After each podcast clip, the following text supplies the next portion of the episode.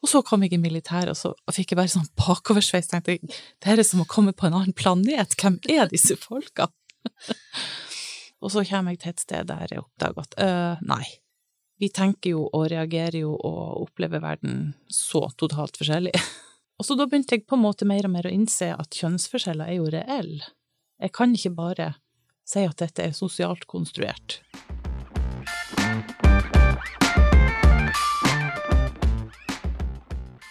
Jeg har en bekjent, for eksempel, som jeg, tror, som jeg lenge tenkte Hvis du hadde spurt meg er han en løve eller en katt, så hadde jeg sagt han er en pusekatt. Eh, så blitt litt kjent med han, og så er han Han har sånne driv, da, kanskje spesielt faktisk retta mot barna sine. Kjempeengasjement. Så spør du meg nå, så sier jeg han er en, han er en løve i sin familie. Eh, full av kraft.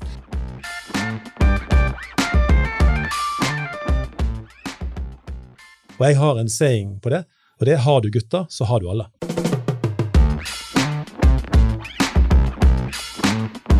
Du hører Mannspodden jakten på mannsidentitet. Bli med Andreas Skjelde og Einar Helgaas på din vei mot autentisk maskulinitet.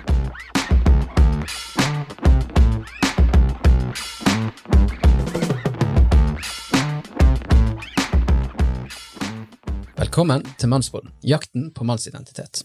Jeg er programleder Andreas Skjelde og har som vanlig mannsguide Einar ved min side. Og er du våken, Einar?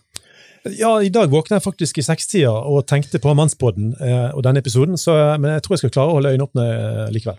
Ja, det høres bra ut. og I dagens episode så beveger podden seg lenger inn i det landskapet vi har hatt med flere gjester, særlig Dag Fyrholmen, men òg Nils eh, Ole Oftebro, og kanskje flere. Vi snakker om hvordan vi kan bygge et samfunn som er godt for både kvinner og menn. Mhm. Går det an å kjempe for kvinner og menn uten å gå hver i sin, sine grøfter? Vi skal snakke både om feminisme og noe dere knapt har hørt om før, nemlig mannesakskvinne. Oh la la. Einar, dette burde blitt en overskrift i VG. Du, det ser jeg kanskje for meg. Men Mannspodden er jo, som vi før har sagt, ikke en dans rundt mannens navle. Det er et felles prosjekt med mål om det beste for begge kjønn. Og I så måte er vi glade for å ha to meget spennende kvinnelige gjester med oss her i dag. Tonje Fien, velkommen. Takk skal du ha. Anne-Berit Mathisen, velkommen. Takk, takk. Og vi starter faktisk med å kaste oss hodestups inn i tematikken, før dere skal få lov til å presentere dere litt mer. Og Her ønsker vi litt sånn korte, konsise svar. Tonje, hva er det aller beste kvinner har å gi verden? Det aller beste kvinner har å gi verden. Empatiske evner. Mm. Så bra. Samme spørsmål til deg, Anne-Berit. Jeg tror det ethvert menneske har å gi, er å gi seg sjøl. Den beste utgaven du er av deg sjøl. Og det Om kvinner har noe radikalt annerledes, ja, det tror jeg. Og så ser det likevel forskjellig ut fra person til person hva vi har å gi. Skjønner. Men uh, Tonje, hva er det beste menn har å gi til verden? Jeg sier pågangsmot. Ja, Anne-Berit, same question for you. Jeg verdsetter veldig høyt at menn har ofte det jeg ikke har sjøl. Um, og jeg har ja, pågangsmot, som Tonje sier, men på litt andre områder enn der jeg har det. Altså at de ser ofte ikke svart på å løse ting som jeg fort ser svart på. Vil du være konkret der, eller? Ja, jeg kan ta for eksempel alt som handler om eh, tekniske ting. Det ser jeg eh, svart på, det er uoverkommelig i full fart. Ja, ok. Mens eh, de jeg får hjelp av, det er jo mine mannlige venner, og de mannfolkene som jeg har i livet mitt. Ja, De ser ikke svart på det, de bare gyver løs. ja. Du kaller de inn, og så skjer det noe. Ja, det finurlige er jo at de gyver løs på det, enten de kan det fra før eller ikke. De har en litt sånn forbilledlig sjøltillit på bare gyv på. Ja. Ja. Kult. Så bra. Anne-Berit, eh, si litt mer om deg sjøl. Ting du syns er greit for eh, lytterne å vite om deg, bortsett fra at du er en slagferdig nordlending. Ja, jeg em, jobber som prest. Det har jeg gjort siden 2002. Og har jobba ganske lenge i vanlig kirke. Og fem år har jeg vært eh, feltprest i militæret på Bardufoss. Mm. Og fem år har jeg jobba som sjømannsprest offshore på oljeplattformer. Så jeg er muligens den kvinnelige presten i Norge som har eh, lengst fartstid i de, i de to ulike store mannebransjene i Norge, da. Ja, Mm. Så det er jo en litt spesiell arbeidserfaring. stilig. Du er ekstra velkommen i Mannsbåten med den bakgrunnen. Ja, hvis du vil høre det. Men du, eh, har du en litt sånn deilig sær side som du kan muntre lytterne med å fortelle om nå? Kan Tonje sitte der og forberede seg litt? Um, nei, ja, nei, det tror jeg jeg må få tenke mens Tonje forbereder seg. Nei, gi deg! Nå er jeg redd hvordan dette skal gå. Men du kjenner jo meg, du vet jo egentlig om mine sære Ja, men det vet ikke lytterne om. Ja. Ja, Tonje, vil du, er du, er du, eh, kaster du deg på her nå? Ja, um, dette måtte jeg jo tenke litt på. Man har jo svake og sterke sider, men sære sider, det er jo de sidene man ikke liker å tenke så mye på, kanskje. Men jeg har fått høre at jeg har et litt eh, spesielt forhold til eh, tid. På den måten at jeg er ekstremt nøyaktig da, på tid og tidsberegning. Og Oi. et, I løpet av en dag så kan jeg klare meg fint uten klokke, for eksempel. For jeg vet at nå er den sånn et sted mellom to eller ti over to. Og det er en litt sånn sær eh, sær evne, da. Som jeg trodde var ganske vanlig. Helt til jeg skjønte at det var det ikke. Det er jo også at jeg blir litt sånn rigid, for eksempel hvis jeg har en avtale Kanskje litt mer før, da, nå som jeg har blitt litt voksen, så har jeg jo fått brynt meg på andre personer. Um, blitt litt rundere i kantene der. Men før, da, hvis vi, hadde en avtale klokka fem, og så blir klokka to over fem, så blir jeg sånn Oi, har vi en avtale nå, eller hva har skjedd? Er Oi, det- har oi, de påkjørt? Har de, er- har de glemt det? Eh, så, så er jeg litt sånn eh, veldig ekstremt fokusert da, når det gjelder de tingene der. Og det kan gjøre meg litt lite fleksibel, men det, det kommer seg. Iallfall når man får familie og små barn, så er du såpass prisgitt andres forståelse av tid at det har eh, det har jeg firt litt på. Det tvinger seg fram. Litt sånn German time her, altså. Ja, ja nesten litt sånn. Det er det, beste vi, det er det beste vi kan si om det. Men Tonje, du, du er jo gift med en nordlending. Du kommer fra Sørlandet. Du er likevel veldig slagkraftig. Gratulerer med det. Men, men hva mer syns du du har lyst til å si om deg sjøl, sånn at lytteren eh, vet hvem det er som snakker i din mikrofon? Ja, jeg ble faktisk født i Japan. Eh, Foreldrene mine eh, bodde der, så der bodde jeg mm, mer eller mindre til jeg var ni år. Så flytta vi da til, til Birkeland i tidligere Aust-Agder. Men eh, Bergen er der som jeg har bodd lengst, faktisk, i, i hele mitt eh, liv. Jeg har definitivt eh, bergenske barn. Um, jeg har eh, en liten stilling i Tankes min skaperkraft, hvor jeg jobber som rådgiver og skribent. Skriver om ulike temaer som opptar meg, blant annet dagens tema. Mm. Men det som jeg stort sett bruker dagene mine på, det er å være forsker eh, innen samfunnspsykologi i Norse forskningsinstitutt. I samfunnspsykologi. Beintøft. Så bra. Ja, Anne-Berit, nå, er det- nå må du frem her, altså. Mine sære sider. Ja. Ja, jeg tenker at det som er litt sært med meg, som de fleste blir utrolig overraska når de finner ut Jeg er overhodet ikke interessert i estetikk. Jeg har aldri kjøpt et interiørblad i hele mitt liv, og det har heller aldri frista å gjøre det. Jeg har aldri sett et sånt interiørprogram på TV.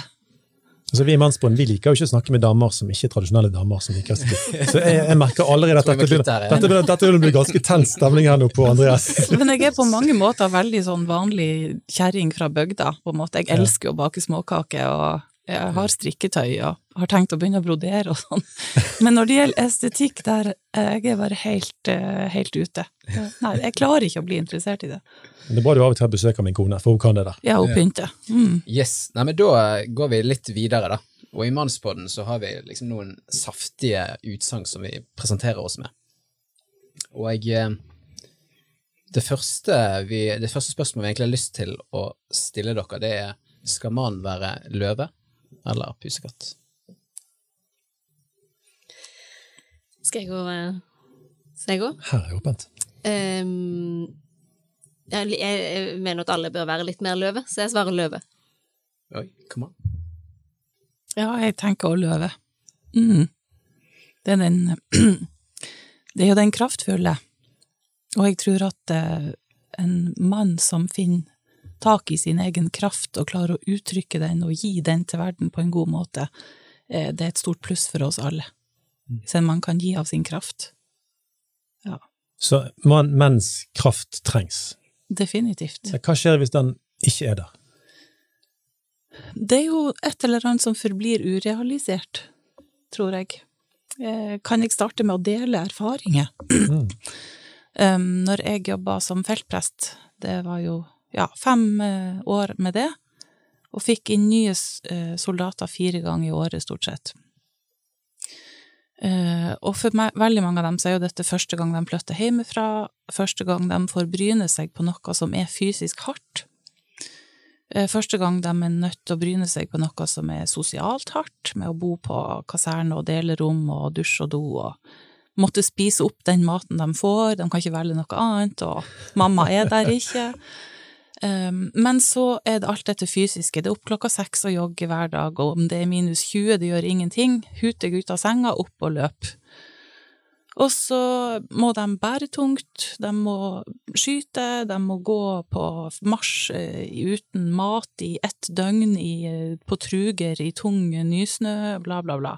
Det er et blodslit. Og på slutten av rekruttperioden så kommer Berretløpet.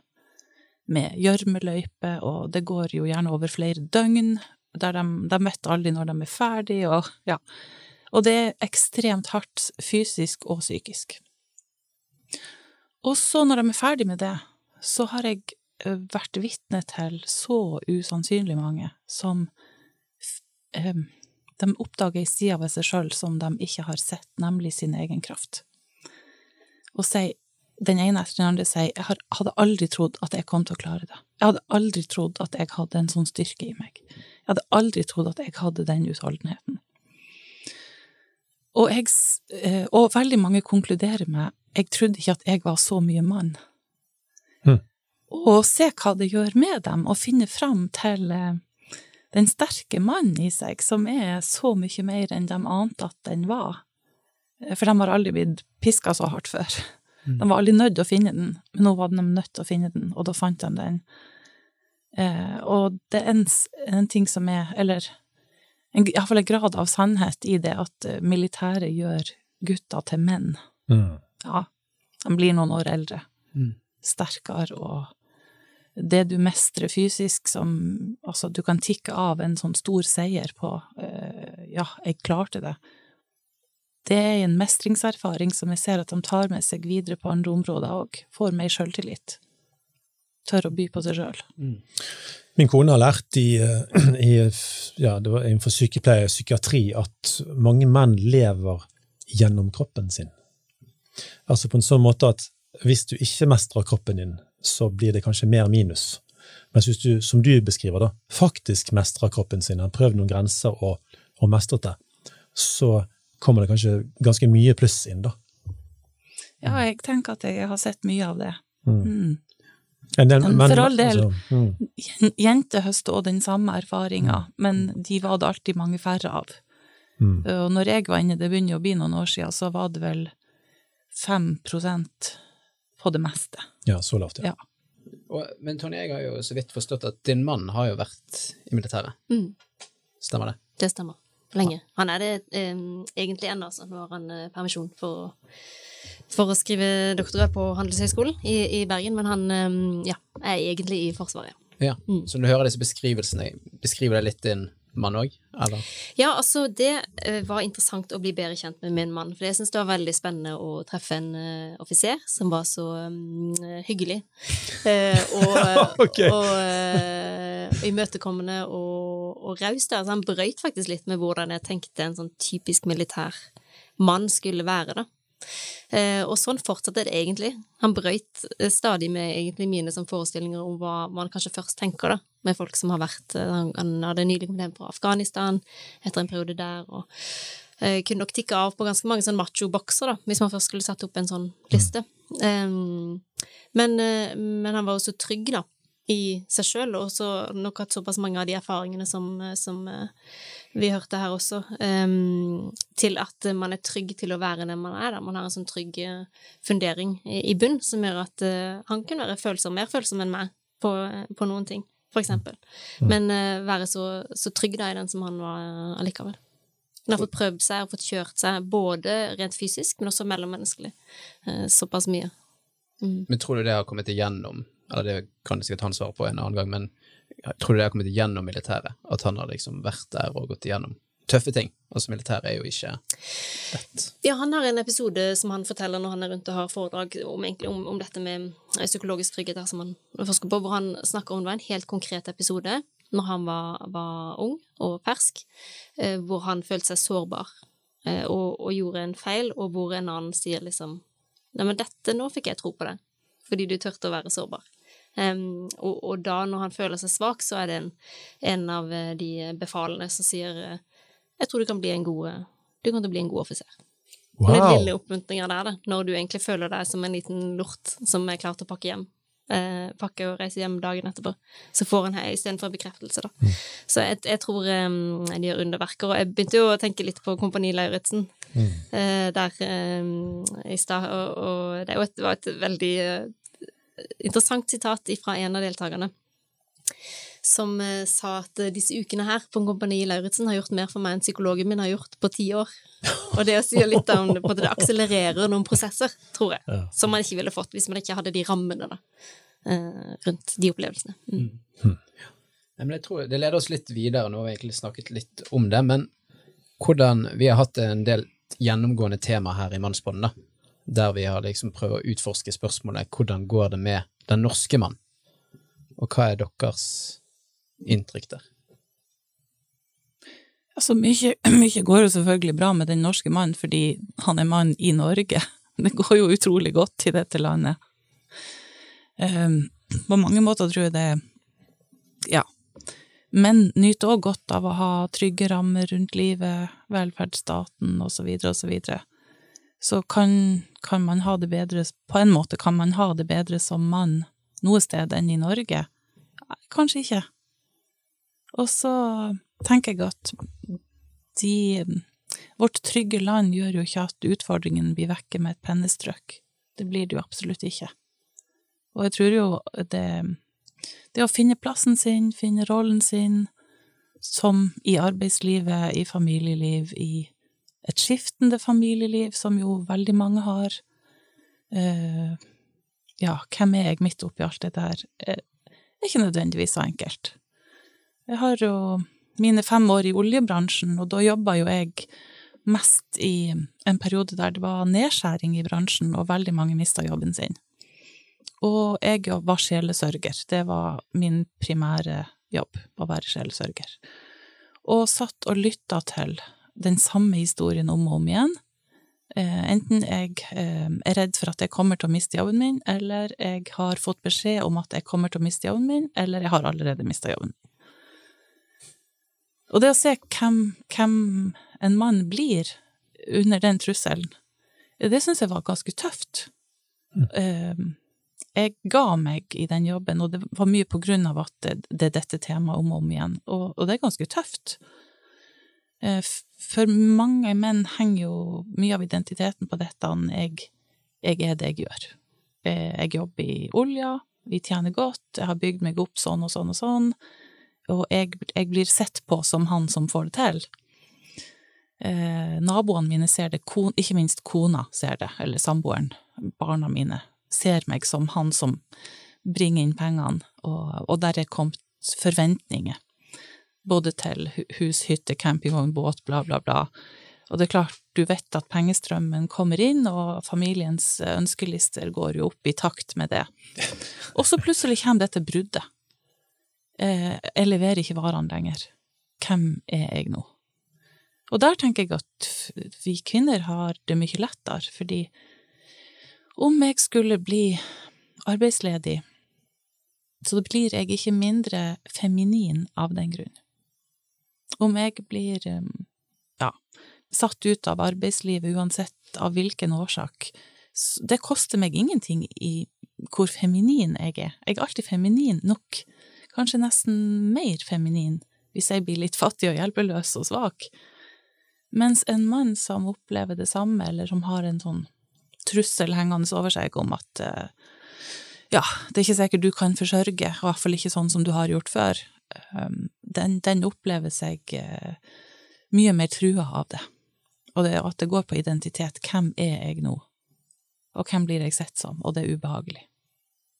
Ja. Det er interessant å høre, det du, det du, forteller om der. Det tror jeg eh, kanskje man har flere bein å stå på, da, som, som kvinne, fordi jeg ikke er så tett knytta opp til yrkes- eh, eller karriere, karrierevalg. Jeg tror også det er bra på mange måter både å, være mann, og det er bra å være dame fordi vi har gode menn i, i uh, Norge. Men, men uh, det er jo også verdt å merke seg at gutter i større grad uh, blir skoletapere Mm. nå enn enn før. Ganske mange av disse prestisjeyrkene også er det begynner det å komme flere og flere eh, jenter inn på. Psykologistudiet før måtte man kvotere jenter inn der, nå snakker man om å kvotere gutter inn der. Um, så det, det, Og det, da snakker vi om høyere utdanning, men, men eh, om du går og ser på folk i enda mer sårbar alder og, og situasjon, så ser man jo også at um, særlig i de yngste aldersgruppene mellom kanskje 18 og 20, så er det flere gutter enn enn jenter som blir ufør, eksempel, eller faller utfor skole og arbeidsliv. Eh, og det er ganske um, alvorlig, fordi det kan få ganske langsiktige konsekvenser da, senere i livet. Så det er noe med eh, Det er noe med guttene, da. De unge guttene, kanskje også mennene, men i hvert fall det som tallene viser om folk som faller utenfor, så er det en, en kjønnsskjevhet der, da, som er vanskelig å, vanskelig å forklare. Mm. Så det står ikke um, mye som er bra, men det står ikke Det er noe som er galt. NRK har jo en serie nå som heter Gutter mot verden. Det er fire episoder. Jeg har ikke sett alle, men jeg har sett to av de. Og den, altså den er jo laget på grunn av det kulturelle fenomenet. At en del menn kjenner for en form for utenforskap. Eh, At jeg henger ikke med her. Jeg henger ikke med kanskje innenfor arbeidsliv, innenfor utdanning. Um, eh, og, og ikke minst romantikk, da, som er jo en gedigen ting i livene våre. Um, men da vil jeg bare begynne litt tilbake til en av de tingene vi snakket om. Altså om mannen skal være snill og grei i forhold til hvor tøff han skal være. da. Hvor liksom selvhevdende han skal være. Eh, Og dere snakket jo positivt rundt mann og kraft, som er jo veldig stilig. Jeg òg tror jo det er et komponent som er viktig for menn å ha kontakt med og forvalte på en eller annen måte. Ja, ikke det at alle må gjøre det på en lik måte, men at å ha kontakt med, med denne kraften som ligger i en mann, det tror jeg, er, tror jeg er viktig. da. Men en del vil hevde at det ligger i store deler av den vestlige kultur, og i Norge, en sånn forventning som gjerne kommer fra disse 50 årene siden slutten av 60-tallet. Du kan kalle det feminisme, og det, det finnes forskjellige ting. da. Seksuelle revolusjonen, og det, det er jo mange ting som kulturelt sett har foregått samtidig. da. Men at budskapet til mannen er på en måte at du skal være snill og grei. sant? Og når du har kontakt med kraft, da blir du fort farlig. Altså overgriper osv., krig og alt dette. sant? Og så er det en del menn som har hørt på det, og blitt snill og grei, og det var vel en i forrige episode som snakket om at far blir mamma nummer to i huset. Men han blir ikke altså en far med, i kontakt med den kraften som vi var inne på. Sant? Det blir en annen type mann. Hva ser dere der? Altså, Stemmer det at det ligger en forventning i kulturen på at hei, mann, du skal egentlig være snill og grei, kan ikke du være så snill å roe det litt ned? Sant? Og så er det noen som sier at oi, men så liker ikke kvinner egentlig den mannen som har roet seg ned. De har kanskje blitt sammen med han og gifta seg med han, sparker han ut av huset og finner seg en, litt råere type. Hva ser dere her? Ja, det er i hvert fall veldig interessant eh, å, å sette søkelys eh, på. Jeg tror nok at eh, de, de kulturelle og historiske trendene du nevner der, har skapt et ja, kall det tomrom, da, eller hvor det kanskje ikke har vært så lett å finne en, en passende identitet, om man kan si det sånn. Og, og, og jeg tror nok også at, at det er et slags minefelt å begynne å snakke om mannlig kraft, nettopp fordi det settes i kontakt med, med en seksualitet som er for pågående, da, som ikke respekterer grenser. Mm. Um, når jeg tenker på kraft og, og på, på men menn, så er ikke min første tanke at det, at det er negativt. Men jeg tror nok i kulturen vår nok, eh, blir det nok fort det, da. Men jeg tenker først og fremst en som nettopp er i kontakt med seg sjøl, da. Jeg har en bekjent, for eksempel, som jeg tror, som jeg lenge tenkte Hvis du hadde spurt meg er han en løve eller en katt, så hadde jeg sagt han er en pusekatt. Eh, så blitt litt kjent med han, og så er han Han har sånne driv, da, kanskje spesielt faktisk retta mot barna sine. Kjempeengasjement. Så spør du meg nå, så sier jeg han er en, han er en løve i sin familie. Eh, full av kraft. Men ikke på den, ikke på den klassiske, liksom, eh, røffe måten. Men han har noe som driver han, og han er tro mot det, da. Så den kraft, det trenger, det trenger vi. At menn også blir trygge i, da.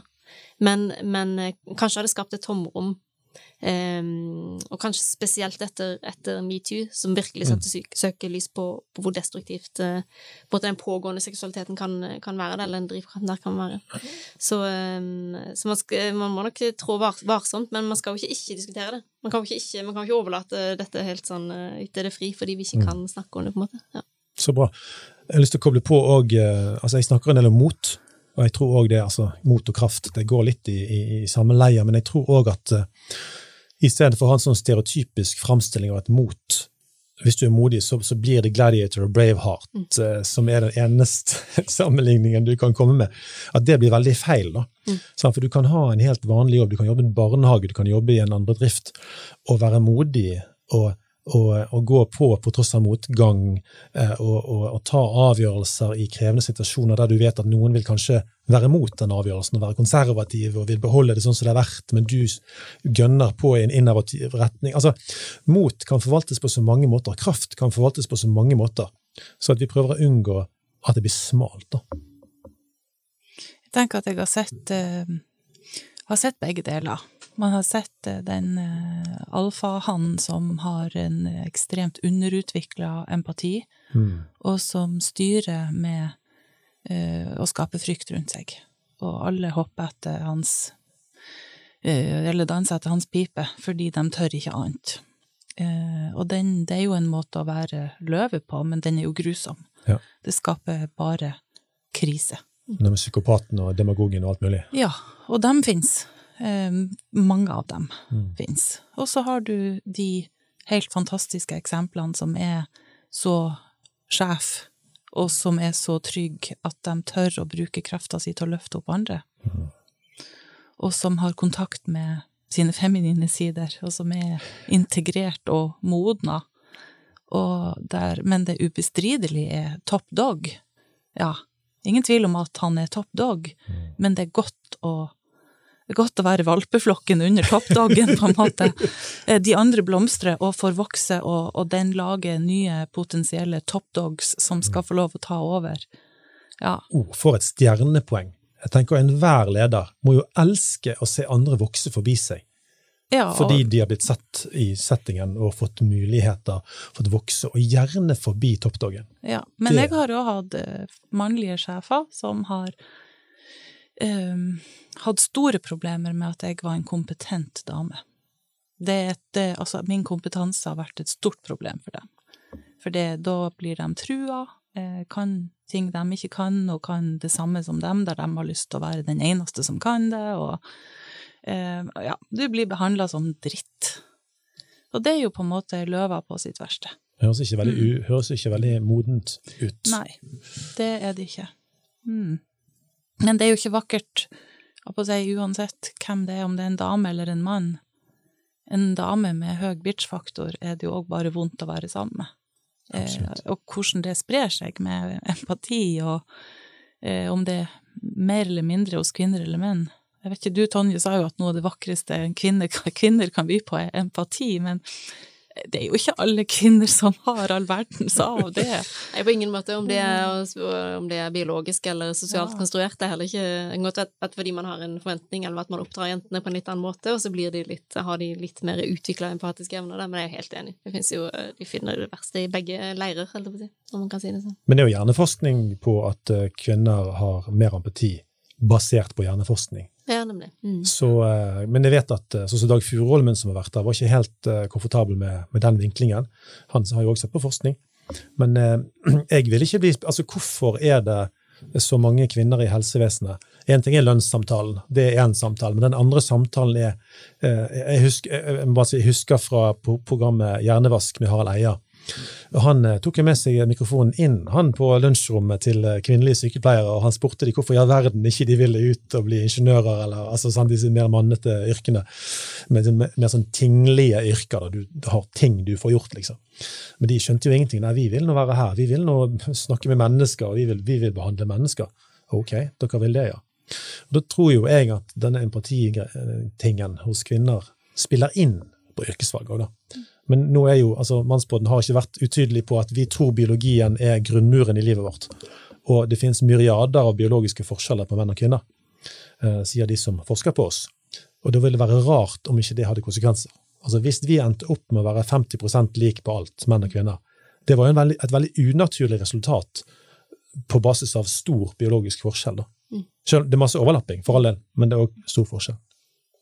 Ja, for det er jo en spennende eh, diskusjon der som eh, man nok aldri eh, helt kommer i mål med, men, men altså samspill da, mellom biologiske faktorer og, og mer sånn sosiale, sosiale konstruerte um, ulikheter. Mm. Men, men nettopp fordi man aldri helt kommer til bunns i det, så, så, syns jeg det er interessant å diskutere det. Altså, man må alltid stille de ekstra spørsmålene. Om at, liksom, og derfor, derfor reiser eh, hårene seg alltid lite grann når noen eh, sier sånn så, Ja, men det er jo, der er vi jo forskjellige. Der er jo menn og kvinner forskjellige. Da må jeg alltid stille et oppfølgingsspørsmål, nesten uansett hvor etablert den sannheten er. Ja. For jeg vil høre hva det som ligger bak det. Hvorfor tenker du det? Um, og kanskje er det helt uh, det gir helt mening og ikke er noe kontroversielt rundt det de har sagt, men det er alltid interessant å høre hva er det du baserer den antagelsen på. At nei, men det er jo kvinner, det. Nei, men det er jo menn, det. Uh, for det dukker opp ganske ofte, syns jeg, i dagligsamtalen. Ikke alltid det er like provoserende, men det er alltid interessant å ta diskusjonen. Ja, det, og det tror jeg er veldig viktig, og jeg tror jo òg kanskje litt eh, Kanskje som kan være forskjellen mellom kjønn, og det er denne risikotakingen, da. Mm. Anne Berit, du sa liksom at du hadde mange mannlige venner, og selv om de ikke hadde peiling, så kom de inn der og du, dette fikser jeg, når det kommer til det tekniske. Tror du det kan være noe som gjenspeiler på yrkesvalg? For hvis du velger sykepleier, så har du mest sannsynlig jobb til du dør. Mm. Man trenger alltid flere innenfor helse. Mens når det kommer innenfor, hvis man går innenfor finans eller for eksempel ulike bedrifter, så kan det være en veldig kort tid du kan være der, og så kommer det kanskje noen yngre som er flinkere enn deg og tar over jobben din, eventuelt at bedriften går konken, på en måte, da. Du tar en høyere risiko, da, med yrkesvalg. Mm. Ja, det kan godt være det, altså at risikovillighet er en del av det. Men samtidig er det jo, er det jo eh, veldig mye mm, helseplager, for eksempel, som følger med helse- og omsorgsyrker fordi det er såpass fysisk. Um, turnusarbeid er ikke bra for helsa. Så selv om det ytre sett kan virke fremstå som mindre risikofylt, så er det ikke nødvendigvis Altså, du tar noen andre risiko, da, ved å velge den, ved å velge den uh, retningen der. Mm. Ja, altså, det gjør du, men du har den forutsigbarheten at du har en jobb å komme til. Ja, det har man jo i større grad. Ja. Mm. Det er jo en av utfordringene med uh, når man får høre at det er Altså, vi har ikke likelønn. Mm. Sant? Greien er jo at sammenligner du menn og kvinner, så er det kvinner tjener 87 og menn tjener 100 når du tar sånn bein sammenligning. Sant? Men Statistisk sentralbyrå og eh, forskning tilbake til 2008 på regjerings- eh, eller departementsnivå da, sier jo at det er jo lik lønn. Altså Hvis en kvinne og en mann har lik stilling, så er det, er basically lik lønn. Men forskjellen er at kvinner og menn velger ulikt. Sant? Det er oppe i 63% kvinner i offentlig sektor og 70% menn i næringslivet. Sant? Og Da er jo spørsmålet var det fordi kvinner og menn, som vi er inne på nå, er forskjellige og faktisk velger litt ulikt fordi vi er forskjellige? Eller bør det være 50-50, liksom? Og hva type jobb skal vi holde på med de neste 30 åra i Norge? Der, altså, hva, hva, er en gunstig innfallsvinkel der? Altså det, for det, dette er veldig interessant. Det kjønnsdelte arbeidsmarkedet og, og um, ulikhetene i, i lønn. Spørsmålet eh, i dette temaet her syns jeg er jo hvordan ble det slik at omsorg, helse og omsorg ble så lavt verdsatt? Og det I lønn. Og, I lønn. Eh, men det er jo en helt konkret verdsetting. Ja. Eh, og, mens, mens det å leke med penger, det å flytte penger, tøysejobber i mine øyne, der kan du sitte og, og, og tjene deg så rik at du ikke vet hva du skal gjøre med de pengene. Hvordan klarte vi å skape det samfunnet hvor de valgene kvinner tar, blir lavere verdsatt i kroner og øre? da? For det er jo kanskje den litt tøffere diskusjonen som vi må ta, da.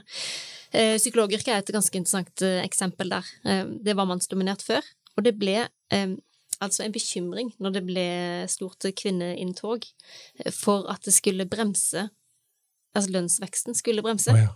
Nei, nå er det så mange damer her, nå kommer dette til å bli et mindre prestisjefylt yrke, og lønna kommer til å gå ned. Det er ganske interessant. Men skjedde det? Nei, de er jo helt rabiate på lønnsforhandlinger. Altså, enhver psykolog er jo drilla i både lønnsforhandling og, og, og forholde seg til eh, rettigheter og, og spesialisering og, og alt dette her. Eh, Så den lønnsveksten har ikke stagnert, selv om det er et kvinnedominert yrke, men det er faktisk et, eh, nærmest et unntak. Fordi når et yrke blir kvinnedominert, så, så bremser for ofte lønnsveksten. Kanskje det har noe med ambisjoner å gjøre, eller hva Men det en ting jeg vil kaste inn Kan det ha noe med verdier å gjøre? Spekulerer Ja, indre jeg på. verdier. Ja, Ja, jo, men det for jeg tenker, sant, når man velger um, jobb du har, Jeg tenker at den store skilnaden er jo mellom offentlig og privat sektor. Mm. Offentlig sektor er jo mye lavere, og veldig mange flere kvinner velger offentlig sektor. Men det vet vi før vi velger yrke. Mm. Alle vet jo at hvis du vil tjene penger, så tar du Handelshøyskolen, ikke Betanien sykepleierskole. Hvis du tar Betanien sykepleierskole for å bli rik, da er du litt kort, liksom. Det, det gjør du bare ikke. Um, men de, hvis det å tjene store penger er din fremste verdi, da vil du styres etter det, og velge yrke etter det. Og da, da tar, tar du også de risikoene som følger med. eh, og tør å gå den veien. Jeg tror jo det er mer risikabelt å velge å bli børsmegler enn eh, hjelpepleier, eller ja. Verdif, hva som er verdifullt arbeid, det er en helt annen diskusjon. Men eh, og, jeg, og tenker, det må man alltid fortsette å løfte opp.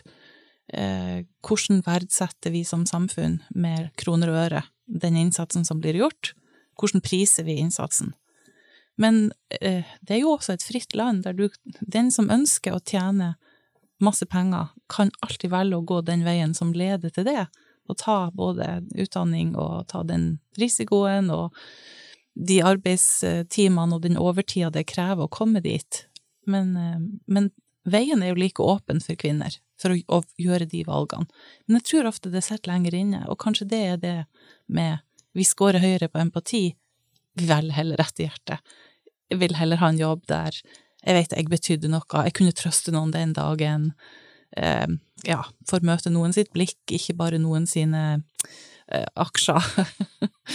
ikke en skjerm, men en hånd. Ja. Og det, det, er kanskje til syvende og sist biologi som skiller, at fordi vi har mer østrogen, så har vi mer empati, og da velger vi mer etter hjertet, og da betyr ikke lønn så mye. Og kanskje er det fordi vi er sånn at vi heller ikke er så beinharde i lønnsforhandlinger. Mm. Bortsett fra psykologene, da. De, ja, åpenbart. Ja. jeg er ikke psykolog sjøl, så jeg kan, si, jeg kan, kan sparke litt. Men, men, ehm, konsekvensene er jo allikevel eh, like. At man kommer Ta, ta for eksempel da, et, eh, en kvinne og en mann som gifter seg, hvor mannen har eh, bedre lønnsutsikter, dama har dårligere. Og det blir et brudd i ekteskapet. Så vil jo den dama stå svakere økonomisk enn en mann. Hun har kanskje fulgt hjertet, sant? fulgt sine innverdier og valgt det som var riktig for henne. Det har mannen også gjort, og så lønner det seg for han, og så lønner det seg ikke for dama. Så er jo det likevel en sånn eh, innebygd ulikhet da, i hvordan vi har rigga, eh, rigga systemet vårt, som gjør at ja, det er en unødvendig ulikhet. da. Men ikke du fortsatt tilbake til det valget man gjør før man går på Britanniens sykepleier? Altså, den som da endte opp, den kvinnen da, som eventuelt endte opp eh, kom komme litt short på økonomi i et brudd, har jo sjøl valgt det yrket, det var jo ikke mannen som valgte det yrket for henne før de mm. ble sammen. Nei, helt klart. Men hvorfor um, lønner det seg for mannen hvis du snur litt på det, Hvorfor lønner det seg for mannen å følge sine drømmer, men ikke for dama å følge sine drømmer?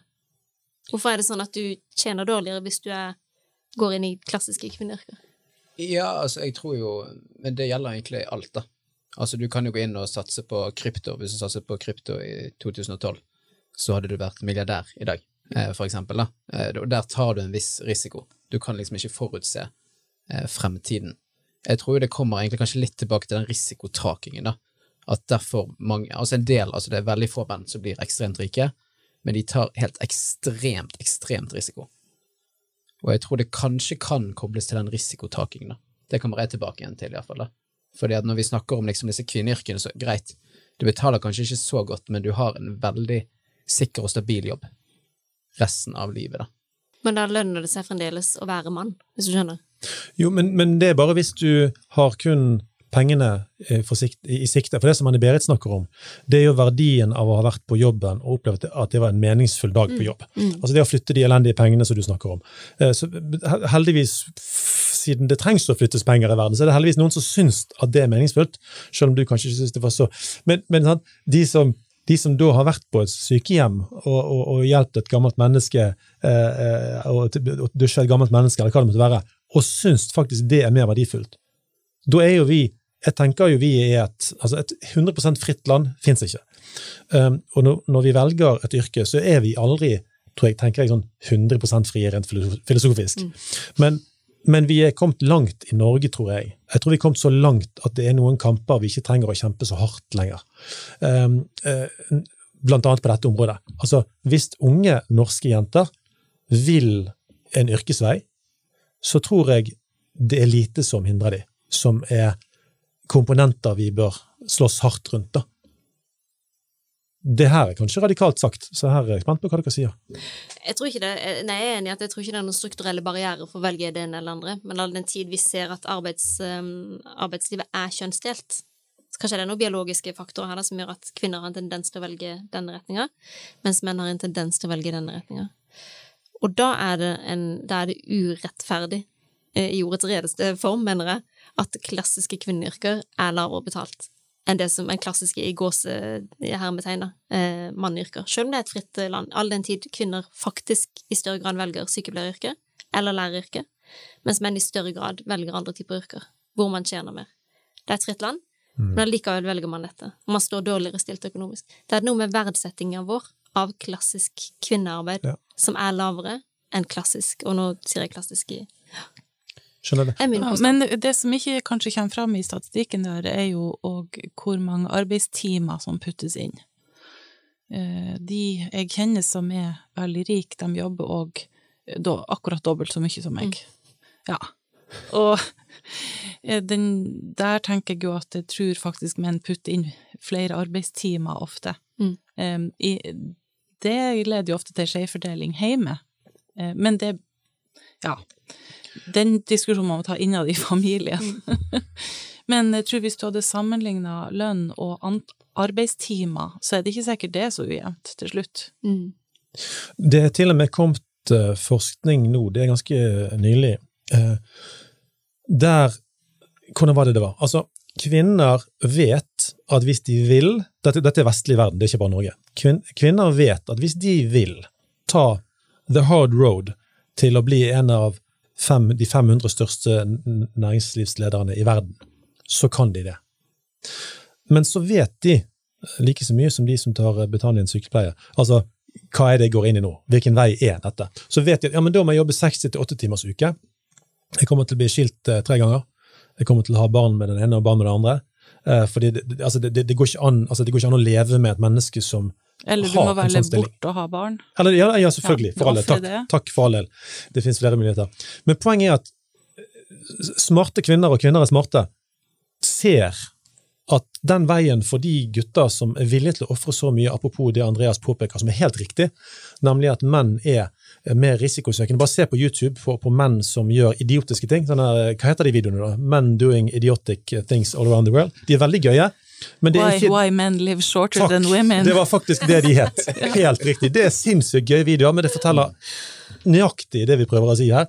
Risikotaking. Og vi har også statistikker på dette, som f.eks. sier at kvinnelige aksjemeglere tar lavere risiko enn mannlige. Og det er statistikk. Og det forteller jo tilbake og er på en måte et ja, skal jeg kalle det et bevis eller et uttrykk for det vi snakker om her, og som har noen konsekvenser. da. Og så krasjer menn eh, bilen sin mer Ja. Får jeg lov å ta et litt sånn pastoralt input på det? det trenger vi helt sikkert Ja. når vi er i samtalen nå. Nei, jeg lot meg så utrolig fascinere når jeg oppdaga Jesus har en sånn tale til eh, disiplene sine før han skal sende dem ut. Og så sier han til dem hvor galt det kommer til å gå. Altså, dere kommer til å bli forfulgt og drept og framstilt for konger og rådsherrer, og de skal, ja, kappe huet av dere. Og så, og så er det liksom, og hvem er med? Smukk tolv hender i været. Alle med. Jeg har jo akkurat sagt at det kommer til å gå på dunken, liksom. Nei, alle er med. Og jeg har lurt på, enn hvis det satt tolv kvinner der, hadde de takka ja til dette kamikaze-oppdraget? Eller var det nettopp fordi de hadde menn og en litt sånn crazy risikovillighet at vi faktisk fikk ut dette evangeliet til å begynne med? Jeg tror ikke Jesus hadde sagt det på en annen måte, da? Han hadde nok ikke holdt den talen, den, den pep-talken. Til damene. Kanskje holdt det på en litt annen måte. Jeg vet ikke. Den, den Den er spennende, du. Den var veldig spennende. Jeg tenker jo at Jesus er tidenes mannfolk, mann over alle menn. Og hvis han har et budskap til sine disipler, så tenker jeg han gir det budskapet uavhengig av om det er menn eller kvinner. Men jeg tror han kan tilpasse seg, men jeg tror kjernebudskapet til alle kristne som vi kan finne i denne fine boka som vi nå henviser til, er jo at eh, alle som går denne veien, eh, vil kunne bli forfulgt. nå. Det står ikke bare til menn. Ja, det var nok en god del sånn eh, det jeg kaller chicks with balls blant de der første. Maria, Maria og de, den gjengen. Det tror jeg var litt sånn chicks with balls. De var ikke, var ikke pyser. Ja. Det var de ikke. Da tror jeg vi beveger oss litt videre. Det er veldig mange spennende tanker. Jeg. Men eh, Tonje, kan ikke du eh, forklare litt knyttet til det her med feminisme, da? Eh, Hvor, hva det er, og eh, hvor for eksempel du står, og hva du mener er bra for eksempel med feminisme, hva det har gjort med det. Nå blir det et spørsmål men jeg kommer til å peile deg inn hvis du ikke svarer på det, men hvordan det har hjulpet det norske samfunnet, for eksempel. Eller vestlige. Sånn. Mm. Mm. Det er jo en um, ideologi, da, eller et sett av, um, sett av ideer som søker å, å fremme um, likestilling mellom kjønnene. Ja. I sin korteste, sin korteste forklaring så er det jo det. En setter, setter uh, søkelys på sånn strukturell uh, urettferdighet, eller der hvor kvinner ikke kommer til orde eller er representert i beslutningsfora, um, eller har ulike muligheter da, til å realisere seg sjøl. Så ja, muligheter og representasjon er jo noen sånne liksom pilarer da, innen, um, innen feministisk uh, tankegang. Jeg leste et uh, sitat um, som forklarte feminisme på den måten at det var å oppdage at det var ikke skoene Nei, det var ikke det var å oppdage at det var ikke føttene dine som var store, det var skoene som er for små. Og det uh, har for meg vært kanskje den store um, øyeåpneren, da, som feminismen har gjort for meg, og som jeg også tror feminismen har gjort i land som Norge og, og Sverige og, og, en del land hvor likestillingen har kommet veldig langt, da. Eh, det er jo det å våge å utfordre de rammene vi har satt for egentlig både menn og kvinner. Altså god feminisme tjener også mennene. For, mm. for feminismen, selv om den kan være nokså aggressiv i sin form av og til, søker ikke å, å liksom tøyle mannen eller å, å, holde han nede, eller nå er det kvinnenes tur, men, men en ønsker en, en likhet, da. Like muligheter og lik representasjon eller lik mulighet til representasjon i, i viktige fora. Så, um, så, så, det å på en måte utfordre rammene vi lever livene våre innenfor, og sørge for at, at, det er like godt å være kvinne som det er å være mann i dette samfunnet, det er kanskje det viktigste som feminismen gjør for oss. Du har lyst til å stille inn spørsmål, fordi uh, dette, dette, høres rett og slett ut som uh, vakker feminisme. Uh, og jeg, jeg, har lyst til å prøve på dere nå. altså, jeg har ikke lest alt om feminisme. Så jeg har to kategorier av feminisme. Det som synes altfor få, så putte inn flere hvis det trengs. Den ene, det er det du sier nå. Jeg kaller det egentlig bare for vanlig feminisme. Fordi er, man er egentlig bare ute etter at menn og kvinner skal ha det godt, og at der kvinner ikke har hatt det bra, så jobber vi for å løfte de opp sånn at de har det bra. altså for å si det på En enkel måte, sånn. En slags vanlig feminisme. Så jeg tror det mange er en sånn feminist, og jeg kan gjerne være det sjøl. Men så er det ekstremfeminismen, som Dag Furuholmen brukte jo et begrep på det, nemlig at det er da likestillingen går over til å bli maktkamp. At poenget er ikke egentlig bare denne vanlige likestillingen, men poenget er faktisk å utradere mennene, og gjerne kjøre de ned i grøfta. Og tar du en Tusvik, så, så koser du deg over at mennene ligger i grøfta, sånn som hun gjorde i programmet Brennpunkt, der hun smilende kunne fortelle at det var så fint at gutta gikk i grøfta. Og det har vært vondt å se for mange av oss. da. At, og det er en form for for, for, for, feminisme. For å være helt ærlig, den, jeg mener ikke den er samfunnsbyggende. Og da er jeg rett og slett 100 ærlig. Jeg mener ikke det, det, Du kan ikke bygge et samfunn på en slags hatretorikk. Jeg skjønner ikke hvordan vi kan bygge et samfunn på det. Hva, hva, tenker du om det? Nå har jo du formidlet en veldig vanlig, fin feminisme, så jeg, jeg, angriper ikke deg, men hva tenker du om disse to kategoriene som jeg kommer med her nå? Mm.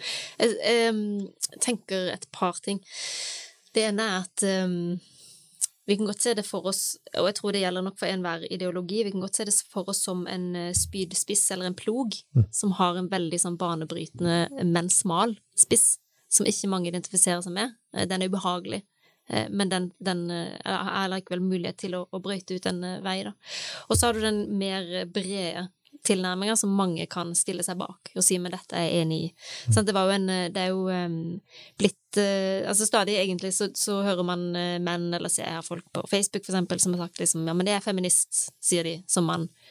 Uh, og det er fordi alle er feminister, sier de. Og, og, det er på en måte i sin mest inkluderende form, så kan man forstå feminismen på den måten, men, men jeg mener allikevel at det må ha en brodd der, det må ha noe ubehagelig ved seg, noe som våger å utfordre, noe som gjør at vi må tenke eh, to eller tre eller fire ganger rundt hvordan um, har jeg forma min, min, oppfatning rundt dette spørsmålet mm. eller dette.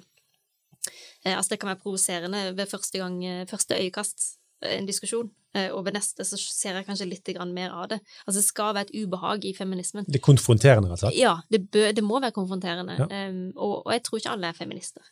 Det er sikkert mange som vil være uenig med meg i, fordi det er fint når alle kan være med. men, men, det trenger en spydspiss, da. Blir det utvannet? Det blir, jeg da blir det så Hvis alle er det, så er det, blir det ikke noe kraft igjen. Liksom, Nei, og, og, jeg gleder meg jo til den dagen hvor vi ikke trenger, trenger feminister lenger, eller feminisme. Fordi, altså Om alle er det, eller om ingen er det, det er nett det samme, på en måte.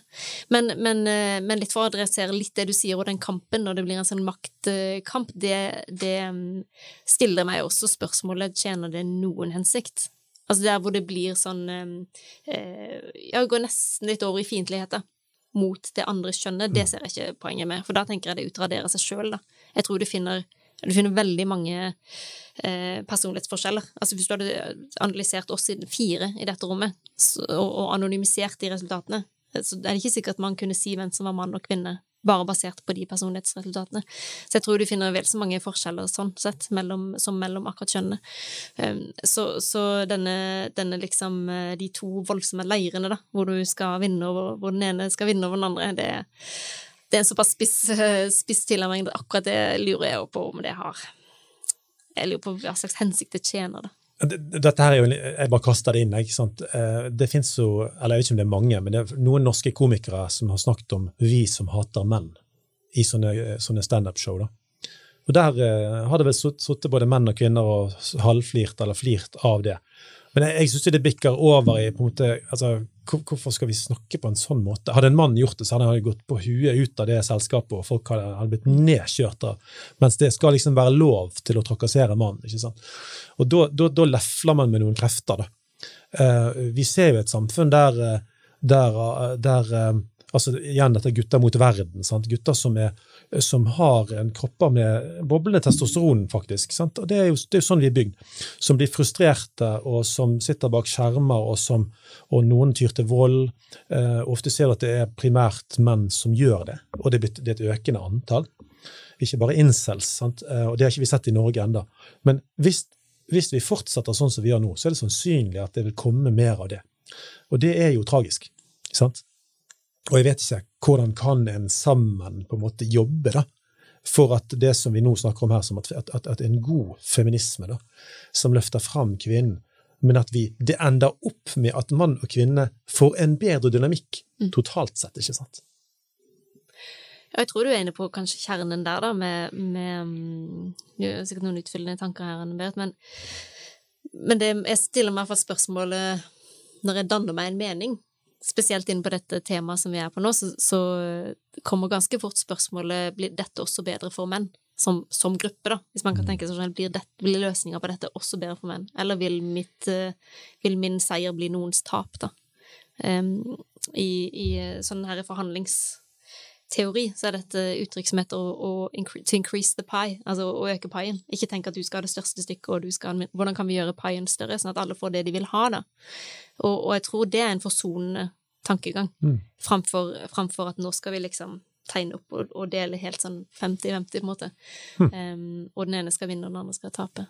Jeg, wow. tror, jeg tror, ikke det er et fruktbart spor. Men eh, kan jeg bare stille deg et spørsmål, siden du, er da, du har tatt en ph.d. i samfunnspsykologi. Mm. Hva tror du vil skje i et samfunn hvis menn faller mer og mer utenfor? Har man noe tilsvarende forskning innenfor det feltet, eller andre land man har sett? Nei, fordi feminismen har jo primært blitt drevet frem i Vesten. Så jeg tror konsekvensen av det vil man kanskje også se først i, i Vesten, da. Så, så, det blir jo teoretisering, tror jeg nå, men jeg, jeg tror jo ikke det Det er et samfunn som er godt å leve i, må være godt for alle, som vi har vært inne på tidligere her. Og det tenker jeg også, også mm, er feministers ansvar i, i, diskusjoner og debatter. For er jo, man er ofte i front. Hvis du er en aktiv feminist, så er du ofte i front i, de, i den mm. offentlige diskursen. Og jeg tenker man har et, et ansvar selv om man skal ha spissa poeng, og det skal være ubehagelig. Det kan godt være ubehagelig å høre på en feminist sin argumentasjon, men, men eh, jeg tenker man alltid skal stille seg spørsmålet hva vil jeg oppnå med dette, og hvem, eh, hvem taper, da? I, i, i ytterkanten av mitt resonnement. Er det noen tapere i ytterkanten av mitt resonnement? Ja. Veldig fint. Men Eh, la oss ta deg inn på banen litt i forhold til litt det som er din vinkel. For vi avslørte jo her i starten at du faktisk er mannesakskvinne. Ja. Jeg vet ikke, Tonje, Er du kvinnesakskvinne, eller er det et begrep som ble ferdig med på 90-tallet? eller et eller annet? Altså, Mann- eller kvinnesak? Nei, kvinnesakskvinne. Er du det? Ja, jeg syns jo det er et flott eh, Det klinger du, godt. Du liker klangen? Jeg liker klangen av kvinnesak. Ja, Herlig. Men mannesakskvinne? Ja, altså Jeg kan vel si det sånn at jeg starta litt i andre enden. Jeg var jo student i, på 90-tallet, og um, da var det veldig inn, egentlig, å, å, være feminist. Og det var jo mange, uh, veldig mange studenter som var det, og noen av våre professorer, også mannlige professorer, blant annet han som var min veileder på studiet, kalte seg feminist. Og Det er jo noen briller man tar på, og ser med de brillene, tenker jeg. Det er også det. Du velger noen briller.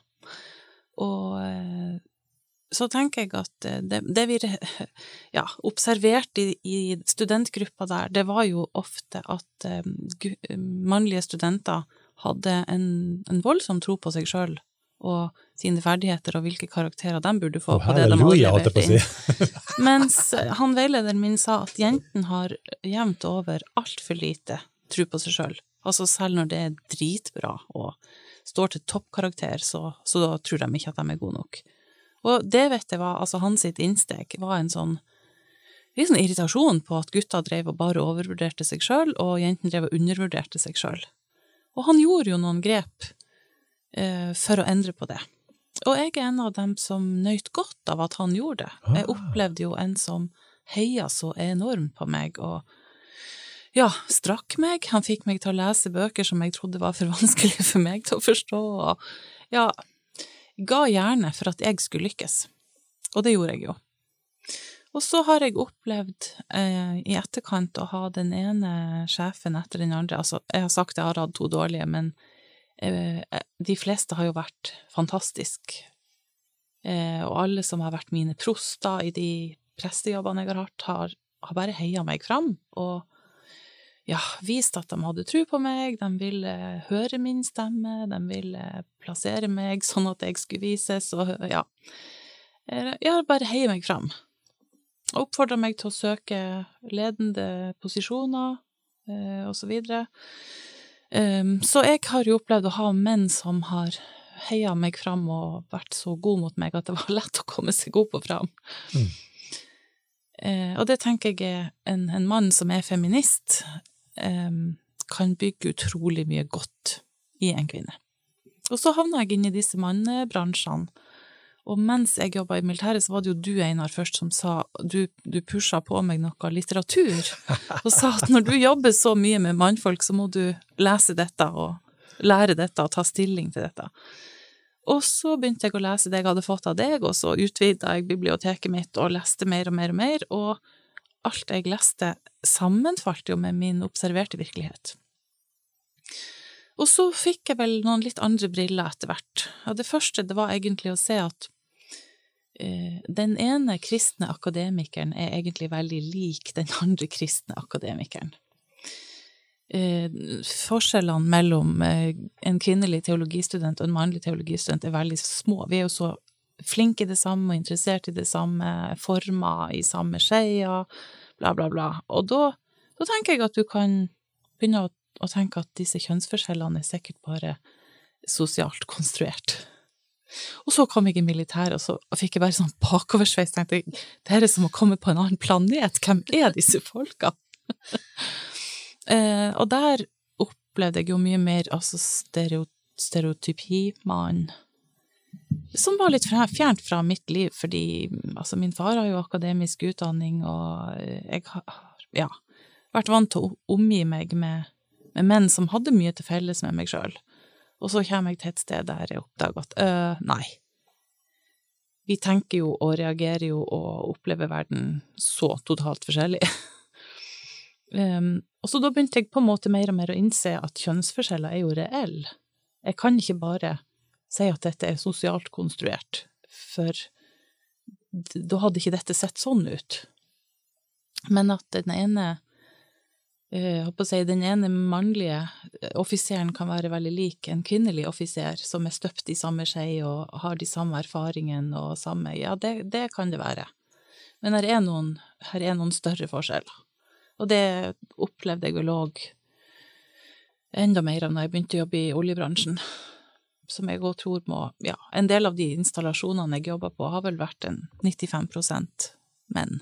Men jeg eh, tenker at jeg eh, lærte jo òg mye om utfordringene ved å være mann, og utfordringene med de boksene de havner i, og eh, det gjorde at jeg fant ut at jeg må jo bare også være mannesakskvinne.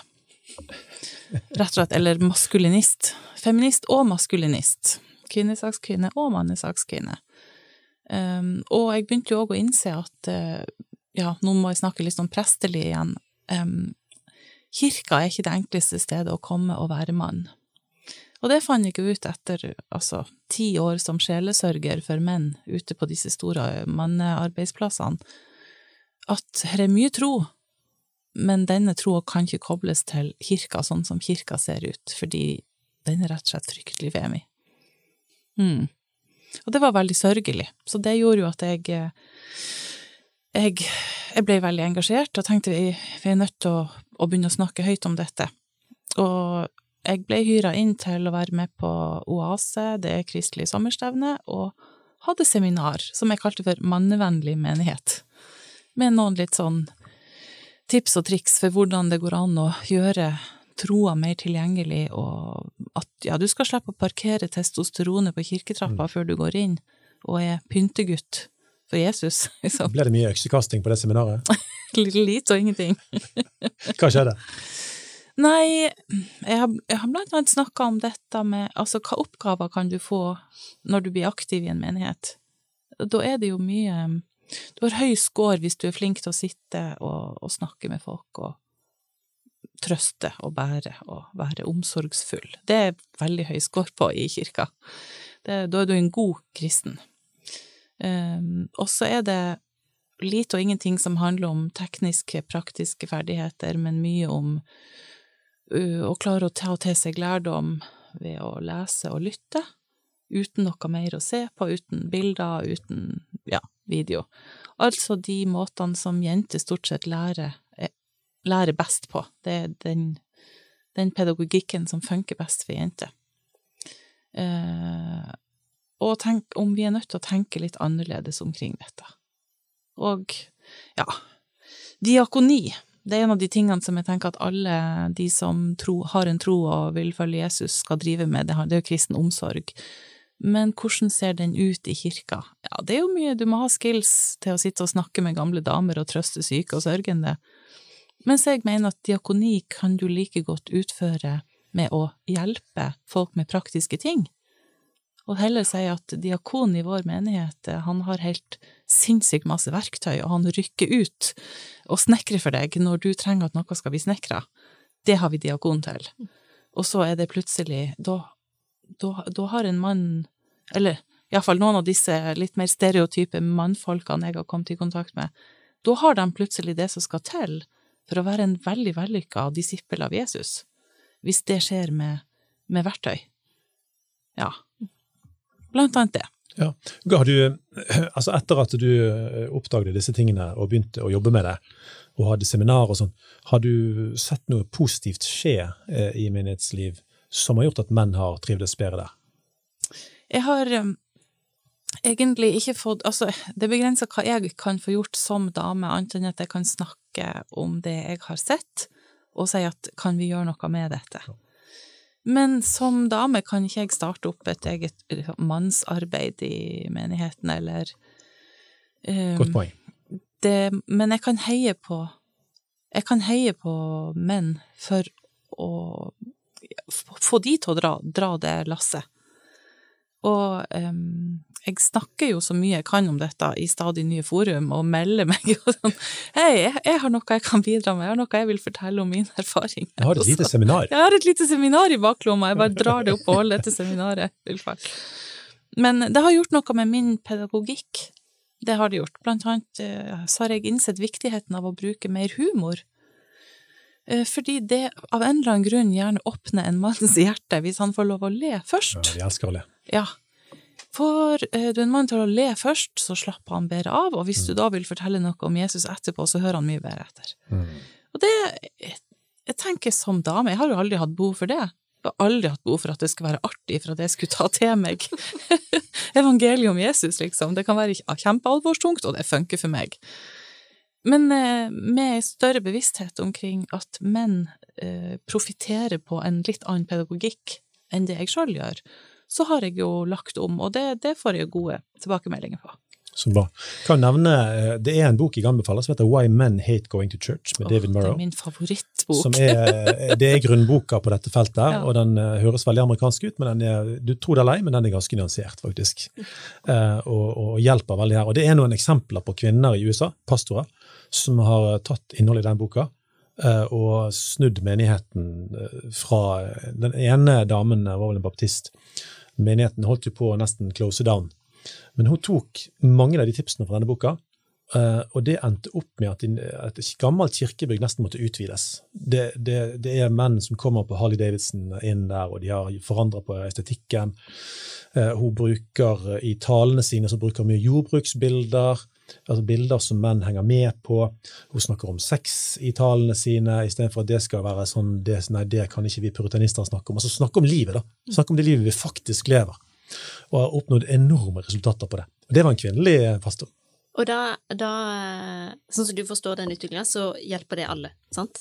Ja, Det er ikke fordi, blitt en mannekirke. nei, nei, nemlig. fordi det som skjer altså, Det finnes en video på YouTube som, som er i 13 minutter på dette. Jeg griner hver eneste gang jeg ser den. For der ser du menn som var dysfunksjonelle menn, men som sitter med tre barn på fanget i kirkebenken. Eh, Så du kan si eh, eh, altså, Hjelper du mennene, så hjelper du kvinnene. Eh, Det er bare, det er en menighet som blomstrer aldeles fantastisk. For når menn stiger fram og ser altså Anne-Berit sa jo nettopp det at problemet med gutter på, ute på plattformen i Nordsjøen er jo ikke at ikke de tror på Gud, men at ikke de ser koblingen til en menighet, for det er en arena der man eh, kanskje ikke kjenner at eh, eh, altså, Samværsformen passer ikke så godt, og måten man kan aktivisere seg på, passer ikke så godt. Ikke sant? Ja. Så, da, så da går det jo på å, å rigge menigheten sånn at alle har det bra. Og jeg har en saying på det, og det er har du gutter, så har du alle.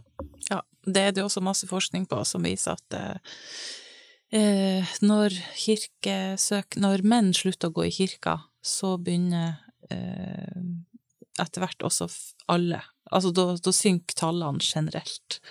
De som klarer å holde på mannfolkene, eventuelt øke antall menn i kirka, så vokser menigheten generelt. Den Det sexy ut, hvis jeg kan eh, utfordre dere to Det skal du få lov til. Det høres jo litt ut som at, eh, menn, at damer går eh, der menn er, men menn går ikke der damer Ja. Altså, man må sikte på man må sikte på mennene, og så er Ja. damene Problemet er at det er riktig. ja problemet Altså- er at det er riktig. Alle statistikker viser det. alle statistikker. Ja, de man har tilgjengelig i de som har satt seg inn i det. jeg er skeptisk til den uh, retorikken, da. Jeg er skeptisk til å si For det gjør dama til en referanseperson. De gjør mannen, mannen til referanseperson, og dama til hun andre. Nå skal jeg skremme vann ut av deg, Mm. Tonje Finn. Eh, en forskning på dette her i USA sier at hvis eh, du har et par, eh, og kvinnen blir kristen, og vil ha familien med på gudstjeneste, hvor stor prosent tror du blir med? Og det samme hvis mannen blir kristen og vil ha familien sin med, hvor stor prosent tror du blir med? Det som er med det tallet, du skal få slippe å gjette, eh, det er at eh, hvis damen blir kristen og vil ha familien med, så blir hele familien med i 17% av tilfellene.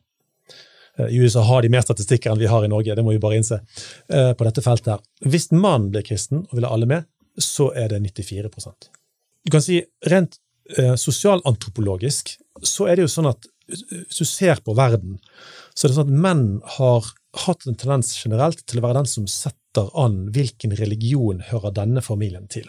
Sant? Um, og, og, det vi sier nå, de statistikkene, de, de, man føler jo at det henger litt sammen sånn type tankegang. Mens kvinnen har ofte vært den som har, har fylt troen med et innhold, gjerne i hverdagen.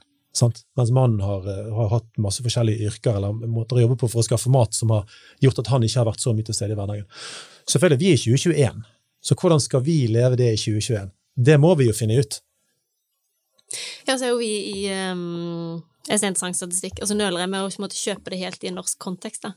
Fordi eh, USA er veldig mye mer tradisjonelt på kjønnsroller enn enn Norge. Så det Det betyr er ikke at det ikke stemmer, men jeg nøler med å, å, å glatt overføre det til en norsk um, sammenheng. Det gjør jeg nå. Så det det, er- vi har tall på i Norge, er jo de kirkeforskning. Eh, og de gir jo ut sånn eh, bok hvert år om eh, hva det heter, rel, tro og religion i dagens Norge, et eller annet sånt.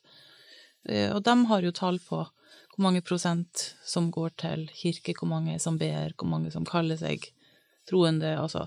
Og der er det jo et kjønnsgap, eh, har vært i mange år, med mer kvinner enn menn, og vi ser jo også en nedgang i eh, aktive kirkegjengere i Norge. Så der, der er jo en, det er et sammenfall på statistikkene i Norge òg.